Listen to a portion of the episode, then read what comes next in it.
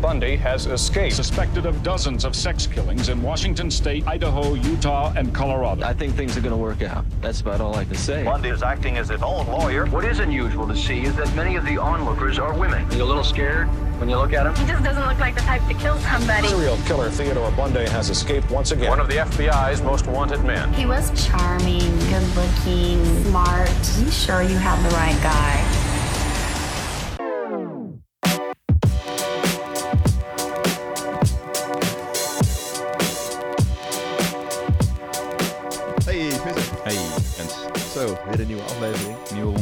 We hebben een gast in de, in de zaal. Ja, ik heb, eh, ben vanmiddag eh, de binnenstad in geweest. Iedereen aangesproken. Uiteindelijk met... eh, Ons uit huisgenoot teruggekomen. ja, en de telefoonlijst afgebeld. Telefoonboom. Daar ben je. Ja! Zo, stel je even voor, van wie was dat eh, geluidje? Eh, dat, dat geluidje was van Maaike Braam. Heel Hey Maaike. schel stemgeluid. Leuk dat je er bent. Eh, ja, allereerst onze excuses. Je had je heel lang geleden aangemeld als, eh, als leek van de week. En Ja. dan komen we er ook net nog achter dat je je helemaal hebt ingelezen in een heel ander onderwerp. Ja, geen eh, no hard feelings hoor. Nou, ik voel me een beetje... eh, Ik zal er nog heel vaak naar refereren, Ja. deze aflevering. helaas, helaas. hey, maar eh, Vincent, Yes. hoe was jouw historische week? Mijn historische week was rustig. Eh, Weer. Ja, je moet gewoon heel rustig aan doen. Dus dat is mijn eh, devies. Eh, nee, gewoon lekker college gehad over ehm, iconen. Dus eh, ja, iconische foto's voornamelijk, dus niet eh, schilderijen of zo. Mhm. Maar ehm, echt van die beelden waarvan je, als ik nu zeg iconische foto's, wat komt er dan gelijk in je op? Eh, Napalmeisje. Napalmeisje hoor ik hier eens, een hele bekende. Zo hé. Die, eh, die, die planten van die vlag op eh tijdens de Tweede Wereldoorlog, die Amerikaanse vlag met die soldaten die dan zo... Ja, ja. Heet die? Waar is het ook weer? Iwo Jima. Oh ja. Ja. Nou, daar ga ik Oh, die is niet iconisch voor in, mij, eh, maar dat zal wel aan mij liggen. Maar goed, Nou, maar zoek even thuis straks op op je telefoontje. zin in. Hele mooie foto. Mag, moet ik weer naar huis? Oh, ja. Nou ja, dat zometeen wel, liefst. Oké, Ligt een beetje aan hoe het gaat vandaag. Ja. oké. Nou, dat is... eh, Maar dat was eigenlijk eh, op historisch gebied vooral mijn week. Leuk, leuk. Dus, eh, ik weet niet eh, hoe jouw eh, week is bevallen. Niet zo heel veel bijzonders gedaan op historisch gebied. Ik was eh, afgelopen zondag eh, even op het Domplein. Mijn zusje houdt, een, eh, houdt haar werkstuk over Utrecht. over Superleuk. Utrecht. Ja, Ach, en de geschiedenis van Utrecht. en waarom? Omdat haar broer daar woont. Ja. Ja, dat was lekker Leuk. makkelijk. Ze moest namelijk iemand ook interviewen uit, uit die Oh. stad waar ze het over ging doen. Dus ja, dan eh, 1 en 1 is 2. Wel een beetje cheaten. Nou. En ik wist gewoon natuurlijk heel veel info. Maar ja, als, je dus op het Dom, als je dus op het Domplein staat, dan heb je dus eigenlijk alle geschiedenis van Utrecht in één keer te pakken. Ja, Denk daar maar eens over na. Ja, je hebt, eh, we beginnen met het Romeinse castellum, wat je daar kan vinden in Oh, het ja. eh, tegelwerk. ja. Ja. Eh, de Domtoren, de Domkerk, eh academiegebouw met achter de eerste universiteit. Nou, de eerste universiteit. of de eerste, de, het eerste gebouw van de Universiteit Utrecht, Oh, oké. Dankjewel. Ja. Nee, voor je aanvulling. voordat we... Hè? Ja, dus eh, dat was echt, eh, nou, als je het over historische sensatie hebt, dan eh, ga daar een keer staan. Dan heb je echt Kom historische... naar Utrecht. Ja, dan heb je echt historische sensatie. En dan kunnen ze jou gewoon bellen voor een, eh, voor een kleine tour. rondleiding. Ja, walking tour, free walking tours. Met daarna al een footje voor mij. Tuurlijk. Klein footje. Mag ik daar ook wel- nog eh, aan meedoen? Ja, op tijd aanmelden, vol. En je weet eh, hoe ik ben met mijn administratie. Ja, heel Heel stipt. stil. En hoe was jouw historische week dan? Eh leuk Ja. week. Eh, niet erg historisch. Wel voor mij eh, persoonlijk een hele historische gebeurtenis heeft er plaatsgevonden. Ja. Ik zit namelijk op Tinder sinds deze week. Nou, Ja. Is het een, ook een oproep aan alle luisteraars? Eh, ja, nou ja, ga ook op Tinder en Oh, eh, vind me daar, ja. Eh, ik denk dat ik er eh, morgen wel weer afscheid van neem. Waarom? Ja, het was leuk voor de, zolang het duurde. Maar, is er iets voorgevallen dan? eh, ja, ik ben echt eh, toch wel eh, Lastig gevallen? heel erg lastig gevallen. Ja, echt? nee, nee, dat is een grapje. Dat is een grapje. Oh. Nou ja, kan. Maar ook nog niet gedate of zo net, toch? Ik heb meteen de volgende dag, eh, zondag, meteen eh, Echt? nou, een date gehad. Ja, Nee, echt? Wat leuk. nee, ook allemaal niet. Nee, Kun sorry. je goed liegen, zeg. Ja, Maar, maar waarom ga je nu weer stoppen dan? Wat is er... eh, nou, ik vind hem toch wel echt een vleeskeuring. eh. Oh, toch wel, ja. En ik Je had een artikel... Even, ik, had zes jaar aangekeken Ja. en... eh, ik had ook een heel eh, interessant artikel eh, gelezen daarover. Of nou ja, eh, interessant. Eh, alle mannen die op Tinder zitten zijn over het algemeen eh, onzekerder dan mannen die niet op Tinder zitten. Oeh. Toen dacht ik, nou, dat moet ik niet hebben. Dat is niet, Dat is goed met vrouwen voor, niet zo. Dat is niet goed voor het nageslacht. Nee, dat is met vrouwen niet zo. Dus vandaar. Oké. Maar, wel, maar heb je wel een leuke match gehad? de- met iemand een leuk gesprek gehad? Ja, ja, best wel. Maar ja, ik was ook een beetje eh, lomp. Oh. En eh, ja, tegen iedereen gezegd dat ik eh, nieuw was op Tinder. Oh, dat is Leuk. Dat vonden mensen wel leuk. Ja, Ja. Knap Dus- hoor. Ben je fresh vis? ja, ja, echt een verse vis was ik die mensen Ja. hadden gevangen. Hm. Maar eh, ik ben niet gefileerd. Zo mooi. Nou, Padoempat. padoempat. Nou, van eh, Tinder gaan we naar eh, zip, ons onderwerp. Ja, een mooie bruggetje kon ik niet maken. Maar wat ons opviel eh, in de media de afgelopen weken... is dat er eigenlijk best wel veel aandacht is voor, voor grote rechtszaken. In de intro hoorde je eh, eh, de trailer van eh, de nieuwe documentaire over Ted Bundy op Netflix. Heb ik gekeken, superleuk. Op NOS hebben we veel gelezen over ene Samuel Little, de grootste seriemoordenaar ooit. En in Nederland hebben we nu een hele grote rechtszaak over Willem Holleden, de grootste mediarechtszaak in de afgelopen 20, 30 jaar misschien wel. En wij zijn eigenlijk op zoek gegaan naar een andere grote rechtszaak in Nederland, wat ook heel veel aandacht had in toen nog de kranten. En dat gaat over eh, Goede Mie. Maria, Zwanenburg. Ja. En we gaan terug naar eh, 8 december 1883. We zijn in Leiden en de familie eh Frankenhuizen die eh, heeft eh, vandaag op deze zaterdagmiddag eh, is eh erwtensoep aan het maken en heeft eh, net eh, melk gekocht om die avond van die melk, eh, melkpap te maken. En eh, ze gaan smiddags weer de deur uit. Ze hebben de erwtensoep lekker opgegeten. Er zitten schapenpoten in. Lekker. Schijnt, eh, heel lekker te zijn, ja. Yum. En ze zijn eh, rond half tien eh, zijn ze thuis. En eh, ze warmen die, eh, eh, die, die melkpap warmen ze op. Of ze maken die melkpap opnieuw warm. Dat zei ik net ook al. Ze warmen die melkpap op. De melkpap is warm. De melkpap is warm. Eigenlijk merken ze meteen al van eh, die melkpap ziet er, ziet er iets anders uit. Hij ruikt iets anders. Eh, volgens de man des huizes eh, was de melk wat, eh, wat pittiger. En eh, nou, toch denken ze van, we nemen wel wat. De man neemt een heel kopje melkpap, de vrouw eh, een halve. En eh, eigenlijk worden ze meteen eh, daarna ziek. Nou? En zelfs, eh, zelfs zo ziek dat de vrouw des huizes de volgende dag al eh, overlijdt. Jezus. Ja, Oh, En, dat mag ik misschien niet zeggen. Sorry, mag je dat zeggen? natuurlijk. En de man, eh, en de man eh, die, die wordt ook heel ziek. En die gaat naar zijn, eh, naar zijn ouderlijk huis toe, waar zijn moeder nog woont, om daar eh, beter te worden. Krijgt medicijnen van de, van de arts. En overlijdt ook een week Oh. later. Hm. En de arts die denkt eigenlijk al meteen, dit zit niet goed. Dit is vergiftiging.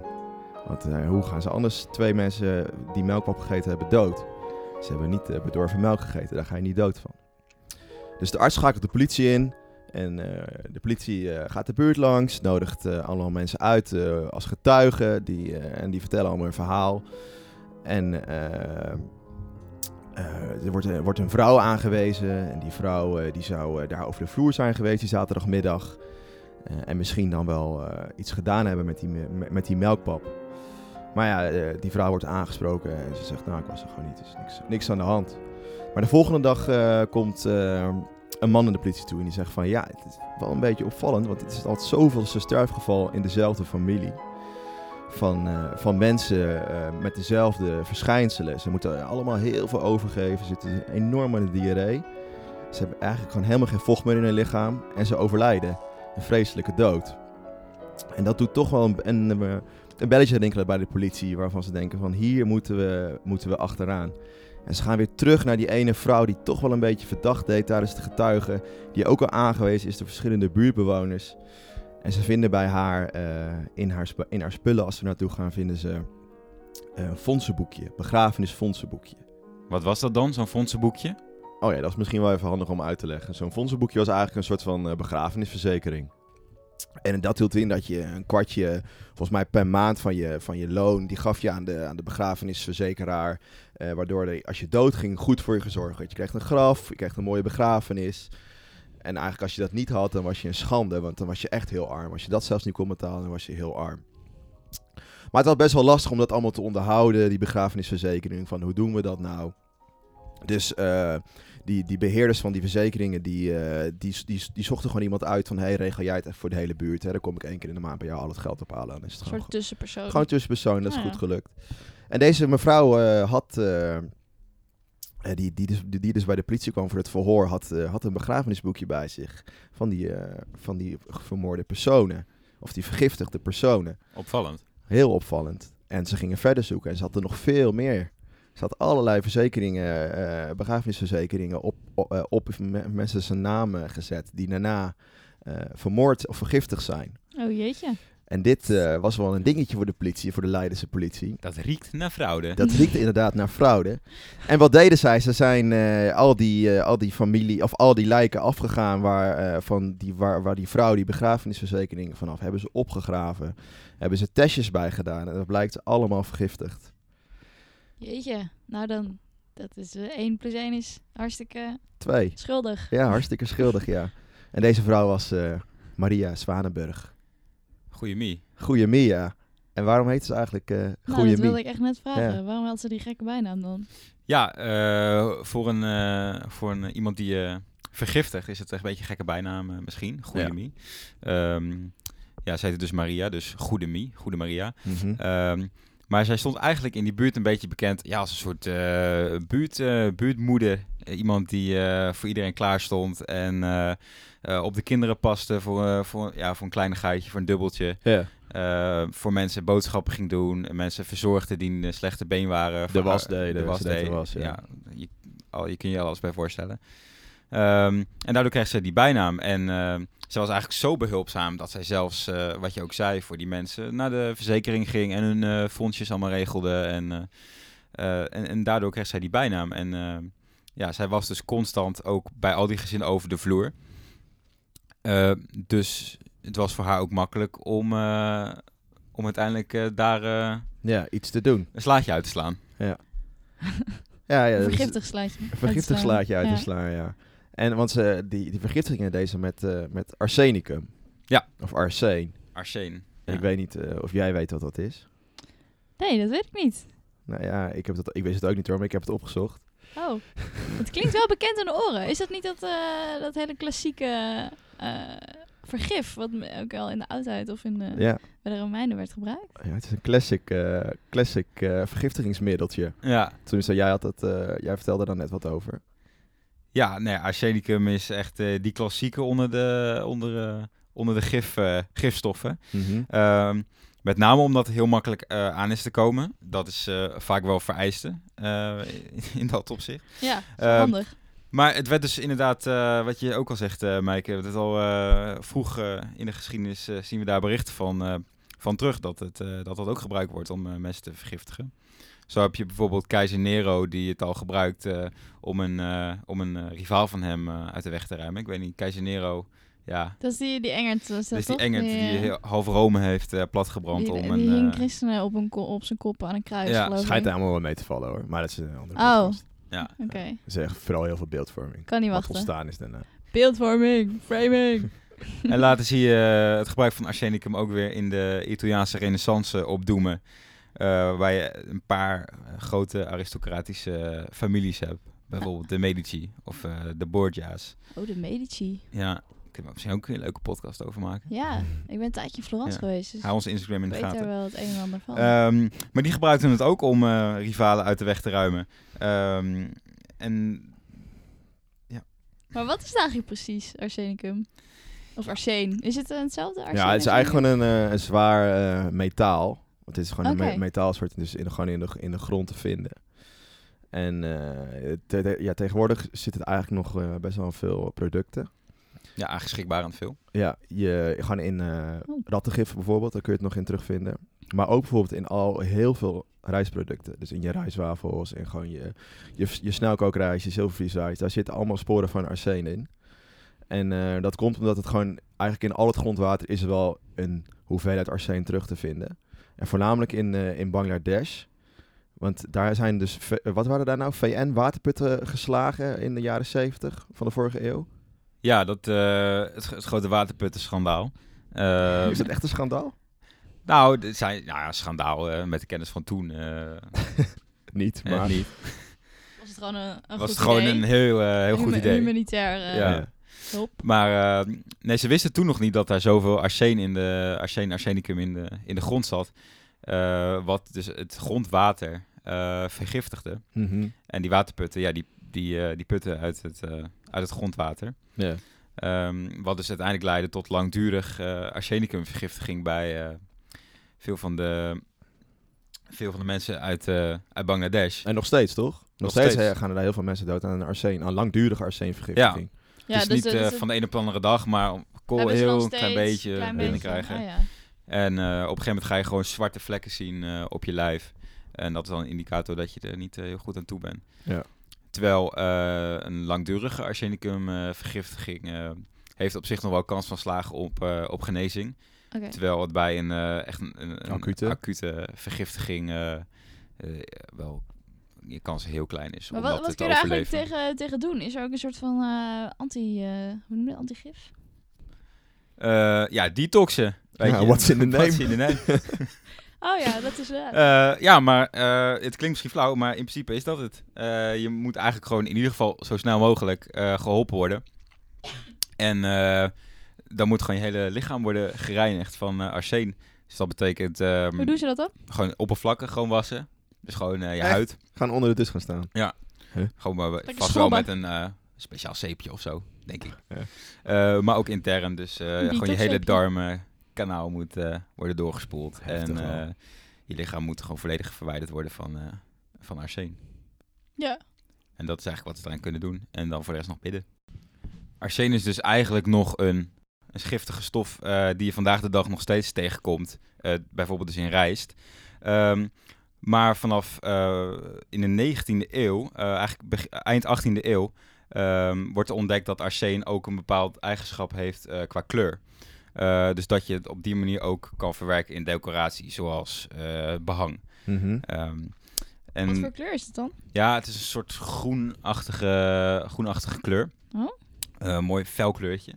Wordt ook heel vaak gebruikt in schilderijen.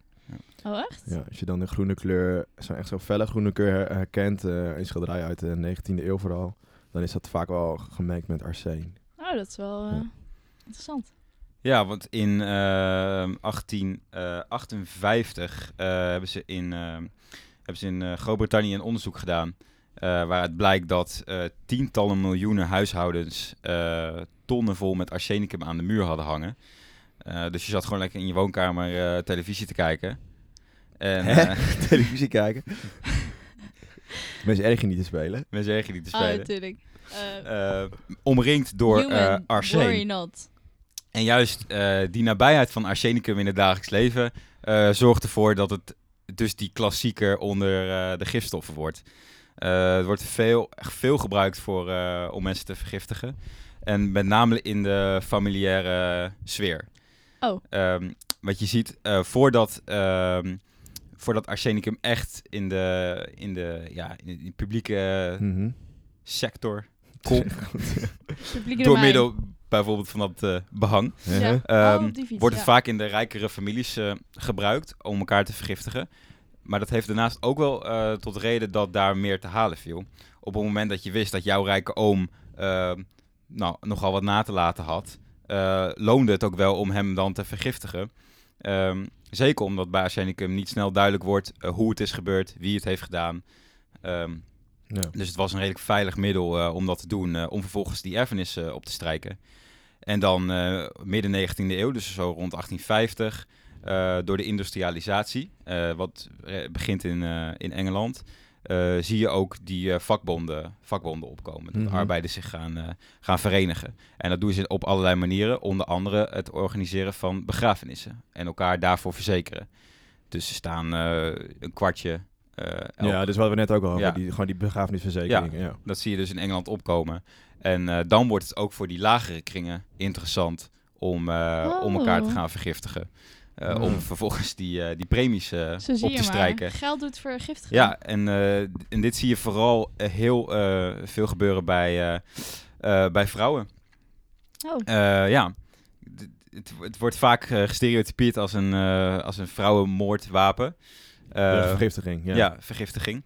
Eh, maar dit is ook zo. Eh, Nou, al dus dat FBI-onderzoek. Al dus eh, een onderzoek van de FBI eh, dat uitwijst dat eh, vrouwen zeven keer vaker eh, gebruik maken van gif bij, eh, bij het moorden. Ja, maar dat is dus een recent onderzoek. Dat is redelijk recent, ja. En vrouwen gebruiken nog steeds. Ja, dus dat gebeurt dus nog steeds. Oh. En vrouwen en, eh, en Rusland schijnt.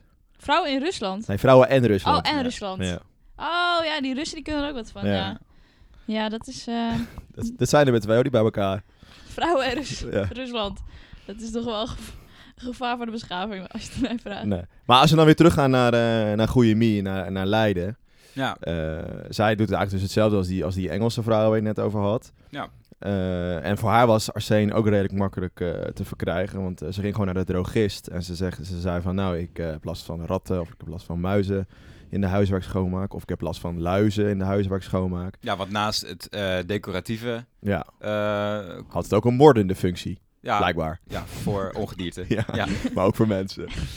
En eh, in Nederland was het dan wel zo dat je je eigen witte kalkpoeder mee moest nemen. Want de drogist mocht het niet zomaar arsen aan jou verkopen. Het moest wel gemengd zijn. Maar je kon het best wel makkelijk eh, een beetje faken dat je het mengen was in de winkel. Je dan, dan leg je het gewoon, eh, dat witte kalkpoeder, een beetje bovenop. En als je dan thuis was, dan eh schaapte je dat, de witte kalkpoeder van het arsen af. En dan kon je het overal wel in doen. Maar het is wel denk ik ook belangrijk om te onthouden dat het voornamelijk in warme dingen moest. Dus warm eten, warme dranken, want anders lost het niet goed genoeg op. Nee, dan, ja, het werkt dan wel. Ja, Eh, maar het is dan zichtbaar. Ja, Ja, je, je Ja. ziet het en je proeft het. Ja, want hoe Ja. ziet het er eigenlijk uit? Is het dan echt gewoon- metaalachtig. Dus misschien een beetje wel als je zo'n eh eh, houtskool dingetje hebt. Oh ja. Daar lijkt het eigenlijk een beetje op, vind ik. En dan nog iets glimmender. Oh, je hebt het Ja, het zit een beetje in de categorie tin, quick, Ja, lood. eh, lood. Oh, oké. Ook allemaal geen fijne stoffen om binnen Nee. te krijgen. Nee. Nee. Word je ook niet beter Nee. van. En als het niet goed oplost, heeft het een, eh, ja, een beetje een korre- korrelige substantie. Dus je proeft het ook gelijk als er iets...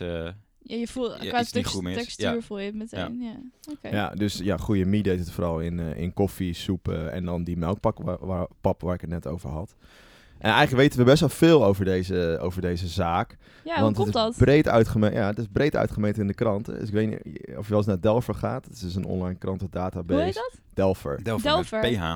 met PH. Dus D-L-L-P-H-E-R. E En daarin staat alles van, daar kun je alles vinden over... eh, daar, kun je, da- daar, daar staan alle kranten bijna eh, gedigitaliseerd vanaf 1650. Maar dan kun je vooral lezen 18e, 19e en 20e eeuwse kranten. En als je daar opzoekt op eh, Maria van Zwanenburg, dan kun je heel veel lezen over, eh, over deze zaak. En er staan hele gedetailleerde verslagen over, over de rechtszaak. En dan En waarom werd het precies zo breed uitgemeten? Want dat... ja, ik denk dat het voor de, de Leiden was natuurlijk een grote schok. En het is gewoon de grootste eh serie moordenaars ooit geweest in Nederland. En nog steeds. Dus, dus niemand die zoveel mensen achter elkaar heeft vermoord. Oké.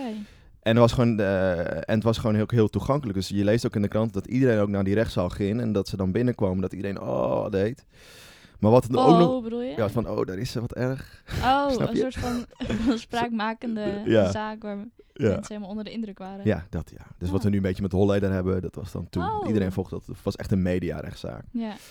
Eh, maar het maakte ook nog wel interessant omdat ze dus die lijken hadden opgegraven. En ze hadden dus net een test eh, of een experiment eh, was er uitgevonden in 1840 dan weer in Engeland van een man. En die kon, de- door die test kon je dus onderscheiden dat er echt arsen zat in lichaamsdelen en zijn organen. Dus ze hadden die lijken opgegraven, ze hadden die organen hadden ze allemaal in potjes gedaan.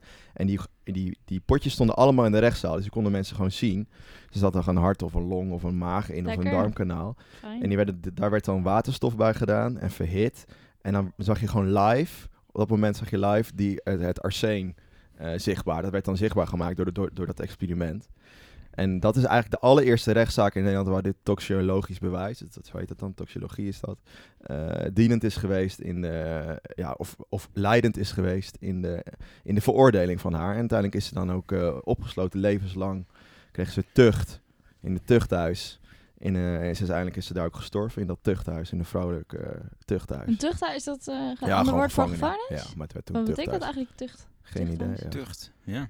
Leuke vraag voor de kijkers. Als je dit Ja. weet, reageer in de DM's van onze Instagram. We willen het weten. Ja, Ja. want ze is dus, eh, wat zijn nou, eh, levenslang Ja, de gevangenis ingegaan. ja er, was, er was geen doodstraf meer op dat moment. Nee. Eh, die was in 1870 al, eh, wel, al afgeschaft. En ze had, had nog wel, laten we zeggen, de doodstraf was toen nog wel geldend tijdens oorlogsdingen. Dus eh, Tweede Wereldoorlog of gewoon als Ja. er een grote oorlog was, de, de, de- defensief optreden.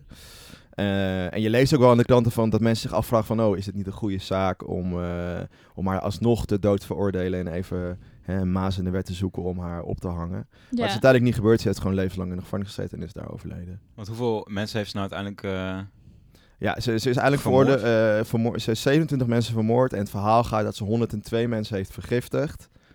Eh, er zijn er ook heel veel niet gelukt. Maar 27 mensen. En daarmee is ze eh, staat ze ook in het eh, Guinness Book of World Records nog steeds als de grootste gifmengster aller tijden. De. Leidse gifmengster, dus van over de hele wereld. Ja, want ze was toen ook al bekend. Eh, want elk advies wat jij ge- eh, geeft, neem ik altijd gelijk aan. Dus ik ben gelijk naar Delver eh, gesurfd. Ja. En ik zie eh, in het artikeltje van, ehm, van de rechtszaak van die dag... Uh-huh. dat er ook een redacteur aanwezig was van de, van de Étoile Belge. Ja. Eh, dus eh, op, in het buitenland eh Werd de rechtszaak volgden ook ze deze zaak ook op de ja. voet. Dat was een krant. Dat is een krant, Ja. ja. Ja, dat moet ook wel. Ze hadden nog geen televisie in die tijd. Oh nee, ja. Sorry. Maakt niet uit. Ik Nee. ben geen eh, historicus. Nee, maar het is, eh, we hebben nu dat gehad over die rechtszaak. Maar misschien is het nog wel interessant om even te kijken van waarom eh, kon zij zoveel moorden plegen. Dat is, is ook wel een interessant eh, verhaal. En dan komen we meteen ook bij de gevolgen van, de, van deze veroordeling. Want er is best wel een hoop veranderd naar, naar, haar, eh, naar haar daden. Zo zijn die begrafenisverzekeringen heel anders geregeld. Zijn lijkschouwers hebben, een, hebben verplicht, zijn verplicht daar naartoe gegaan. We moeten verplicht naar een moord toe, moet ik het even goed zeggen. Eh politie optreden is geïntensiveerd naar, naar verdachte eh, eh, moorden. Dus, dus de politie moet er ook echt naartoe.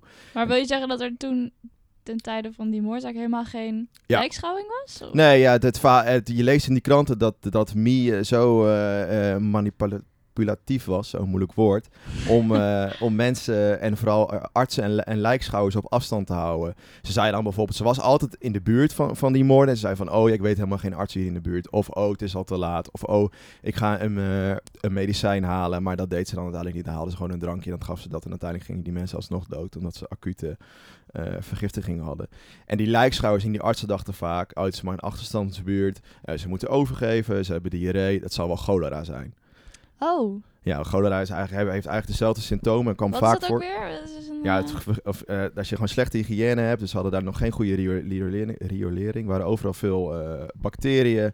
eh, en dan had je eigenlijk dezelfde verschijnselen. Dan ging je ook heel enorm van diarree en, en van overgeven. En uiteindelijk kon je er ook dood aan gaan. Dus dat was eigenlijk het, eh, eh, eh, het, ja, het idee in, de tijd, in die tijd. En daarom was zij als seriemoordenares zo succesvol. Maar ik ken haar nog niet echt. Ik weet, ik, waarom, waarom heeft ze dat nou echt gedaan? Ja, voor het geld, maar... Ja, maar dat is dus eigenlijk ook niet eh, Duidelijk. duidelijk. Want ehm, ze heeft wa- waarschijnlijk niks met het geld gedaan. In de Eh, krant staat ook elke keer dat ze nog steeds op de pof leefde. Dat ze nooit in luxe is gaan leven. Dus ja, het is, ze heeft eigenlijk niks met dat geld gedaan. Ze heeft het bewaard. En haar man wist ook niks van dat geld Oh, ze af. had een man. Ja, die is, eh, die is ook gewoon vrij uitgelaten. Dus die heeft er gewoon echt niks mee te maken gehad. Die wist dat ook helemaal niet. Nee. En ja, maar het ik is- denk dat je wel gewoon moet eh, eh, realiseren dat het een seriemoordenaresse was. Dus eh, die mensen doen het vaak niet uit eh, een vorm van eh, rationaliteit. nee, en als je dan, nee, nee, en dat is ook, laat maar zeggen, nu. Dus als je ze nu deed het niet voor het geld. Ze deed het omdat... Nee, maar het is wel interessant dat je dat zegt. Want er zijn nu, of tenminste er in 2017 is er nog een artikel over haar geschreven. eh, van nou, wat waren nou echt de, wat was nou echt de drang van, van eh, Goede Mie om deze moorden te plegen. En daarin wordt ook een citaat gehaald uit ook weer een krant waarin zij zou gezegd hebben van... eh, oh, ik vind het helemaal niet eng om naast lijken te slapen. Maakt daar best lijken te ja, slapen. eh, was haar familielid, eh, eh, was, die was, dood, was iemand doodgaan in de familie, ook door haar. Die was vergiftigd. Die lag in de kist in, het, in de kamer. En toen had, had haar die man gezegd van, oh, ik vind het best wel eng dat, zij nu, dat er nu een dood mens in mijn huis ligt. Toen had zij gezegd, oh, ik vind het helemaal, dat is toch helemaal niet eng naast lijken slapen. Ja, dus er Het was... neigt een beetje naar een necro uh, ja, nou, dan, ja, dat niet per se. En, je- maar, nou, maar in ieder geval, dat maakt wel dat het misschien wel een beetje, dat ze misschien wel een beetje gek was. Eh, Ja. En dan zie je ook dat ze tijdens, eh, eh, ze heeft ook helemaal nooit sorry gezegd of zo, of excuses aangeboden. Ze heeft alleen, het enige wat ze gezegd heeft tijdens de rechts, rechtszaak is, wees alsjeblieft genadig, geef me niet een te, te hoge straf. Dat is het enige wat ze, wat ze gezegd heeft tijdens de hele rechtszaak. Dus het is gewoon echt één groot mysterie wie zij nou eigenlijk is. En dat is het nog steeds. Ja, want als ze het deed voor het, alleen voor het moorden, Ja. eh, dan had ze beter niet al die eh, begrafenisboekjes kunnen Nee, doen. dat was best wel een dan duidelijke was ze link. volledig buitenspel gebleven. Ja. Ja. maar uiteindelijk heeft ze niks met dat geld gedaan. Dus waarom heeft ze ze dan verzameld? Ja. Dit is gewoon nog een heel groot, Het eh, een groot, mysterie. groot mysterie. En als we dan kijken naar bijvoorbeeld Eh, de- onze intro van vandaag van de podcast die gaat over Ted Bundy. Die, dat is een die, die, die, die documentaire die op Netflix staat. Oh ja. En dus nu ook heel veel nieuws over eh, Little. Die eh, Samuel Little uit Amerika. Ja. Die 90 moorden zou hebben gepleegd. En daar weten we superveel over. We zijn helemaal van begin tot eind is het helemaal uitgelicht hoe en wat Ja. diegene gedaan heeft en dat- waarom. En dan gaan ze op allerlei sporen achterna. Maar hier, Ja, maar dat is natuurlijk ook alweer typisch. Net zoals met zo'n Samuel Little die 90 moorden pleegt. ja. Eh, volgens mij is hij nu, ja, hij is hoogbejaard. Eh en, dan wordt het denk ik voor zo iemand ook tijd dat zijn daden worden erkend. Ja. Dat, hij, eh, dat hij erkent dat wat hij allemaal gedaan heeft. Eh, en met die 90 moorden is hij nu eh, de grootste seriemoordenaar Ooit. aller tijden. Maar Ja. hoe bedoel je erkennen dat hij... Hij voelt het einde naderen of zo en dan... Ja, dat hij, dat hij toch daar erkenning voor wil, voor zijn werk of zo. Oh, maar dat is wel... Dat Creepy, is wel hè? Dat is wel iets wat seriemoordenaars vaak eh, begeren. Ja. Oké, ja. Heftig. Maar het blijft dus, eh, hè, het is een goede vraag, maar het blijft echt een eh, mysterie wie zij was. Dus misschien moeten we er nog een keer in duiken. Maar dat is iets voor de volgende aflevering. Ja. Hey, ik hoop dat jij eh, een leuke zitting hebt gehad. Ja, ik heb een hoop, hoop geleerd. Ja, toch wel? Over goede, goede slechte mies. Goeie, Mie? mie. Ja. Mie. Mie. Oh. Mie als in dat eh, Chinese eten. Ja, Lekker met van, die- van die Chinese teriyaki saus. spaghetti. Chinese Ja. spaghetti. Dat mag jij zeggen natuurlijk. Hoezo mag ik dat zeggen? Ja, omdat je een beetje in die business zit. Beetje Italiaans. Half Italiaans. Half Italiaans, maar ja, je hebt een tijdje daar gewoon, toch? Ja, dus dan, eh, dan heb ik Zegt het hij iets eh, Italiaans? Zie. Prachtig. Misschien kan ik afsluiten. Ja, de luisteraars kunnen het niet, eh, niet zien, maar ze deden zo'n vingergebaartje bij met van die eh, drie vingers zo tegen elkaar. Ja, en Pokken, dan zo in de lucht. eh, ja. een beetje kwaad. hey, maar denk jij nu van, eh, hey, ik wil ook eh, een keer in deze studio zitten en, eh, en helemaal moeilijke vragen stellen aan die jongens die ze niet kunnen beantwoorden. Eh, nou, meld je dan aan voor, eh, de, voor, voor Leek van de Week. We hebben alweer een paar aanmeldingen, dus het stroomt vol. En je weet hoe mijn administratie is. Ik ben on point. Ik, Stipt. ik sla alles op. Dus eh, ja, sluit in onze DM's, stuur me een WhatsAppje. eh Ja. Kom langs, stuur een brief naar onze straat. Eh, dan komt hij vast wel ergens binnen. We zitten nu op eh, Instagram-volgers het nummer 63, geloof ik. Dat is best weinig. Dat is tot nu toe best weinig. Maar wel echt famous eh Instagram Maar die honderdste volger, die, eh, die krijgt van ons een, eh, een lekkere kokosmacroon. Of Kokosbonk. bonk. Kokosbonk. Dat is echt, eh, ja, En die liggen hier op gekeurd. Ik tafel. vind ze echt lekker. Ja, vind ik super lekker. Hey, ja, dus eh, ja, like eh, ons eh, op eh, Instagram, volg ons op Instagram, Twitter als je daar nog op zit. En eh, ha- laat een reactie achter eh, in, Ja. eh, in de... In, in de comments Wij willen die interactie. Ja. En als je denkt van, hé, hey, ik weet ook nog een leuk persoon die je eens een keer moeten behandelen, laat het ook weten. Dat Ja. eh, vinden wij alleen maar leuk en dan gaan we kijken of we dat ergens in kunnen passen. meestal eh, doen ze er niks mee hoor, kan ik vertellen. Uit ervaring. Maar eh Dit kunnen we nog later eruit knippen, toch? groetjes!